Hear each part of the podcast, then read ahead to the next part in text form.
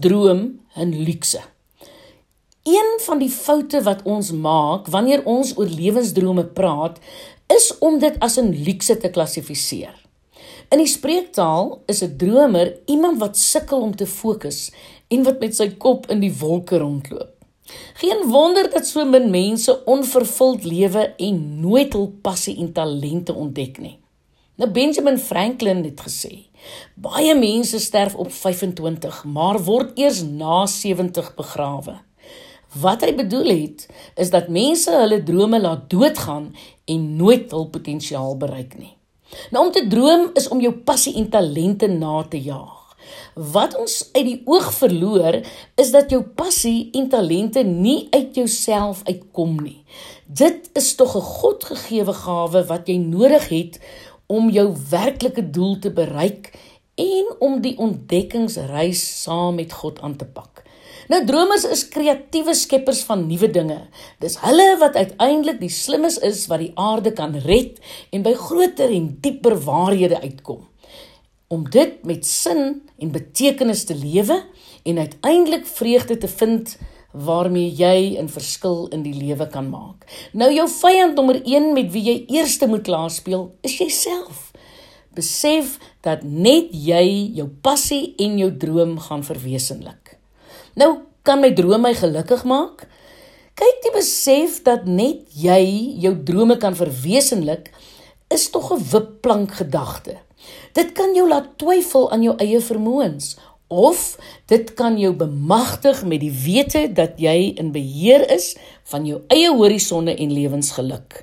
Nou die dag wanneer jy besluit dat jou droom nie 'n luukse is nie, maar dat dit jou paspoort tot geluk is, dis daardie dag wat jy die eerste tree kan gee om jou talente, jou passie en jou drome te ontdek.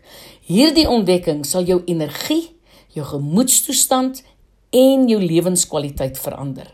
Jy sal moet aanvaar dat niemand dit vir jou gaan doen nie, net jy kan. Dis nie meer soos in jou kleintyd toe jou ma jou aangemoedig het om te gaan leer nie. Nee man, niemand gaan jou dophou nie, niemand gaan weet wanneer jy moet opgee nie.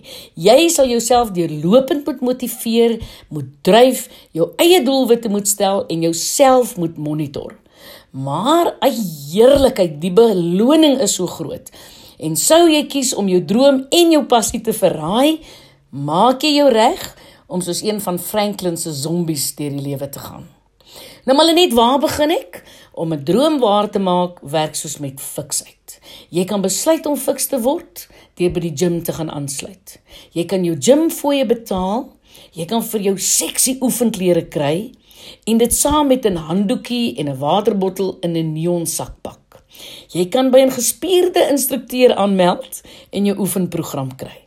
Maar jy gaan nie resultate sien voordat jy jouself verbind het tot 'n vaste rotine nie. En as die instrukteur sy sout enigins werd is, sal hy vir jou verduidelik dat jou oefenprogram uit verskillende komponente bestaan.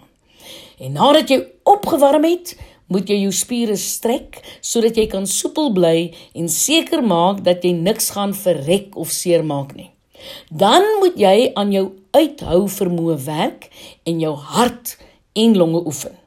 En as jy die twee in plek het, moet jy werk aan spierkrag sodat jy sterker kan word. En aanvanklik gaan jy blaas soos 'n ouma kou wanneer jy die trapmeel stap, maar na mate jy fikser word, gaan jy begin beter voel totdat jy later uitsien na jou oefensessies. Net so kos dit daaglikse oefening en 'n innerlike verbintenis tot jou droom om jou droom te verwesenlik. Nou hoe weet ek wat my droom is? Nou die opwindende maar moeilike eerste tree van jou ontdekkingstog is om jou passie en droom te formuleer. Dit is jou opwarmingsoefening. Gaan nou terug na jou kinderjare en dink aan dinge tye of gebeure wat jou opgewonde gemaak het en wat vir jou lekker was om te doen.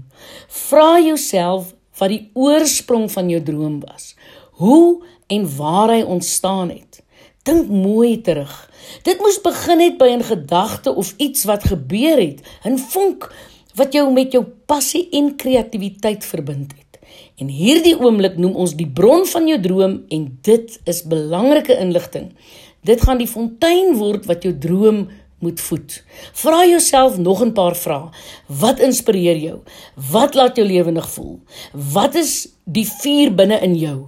Is dit om mense te help? Is dit om voor mense te praat? Is dit om agter die skerms te werk? Is dit om te sing? Is dit om te skryf? Is dit om 'n verskil te maak? Waarom het jy die droom gedroom?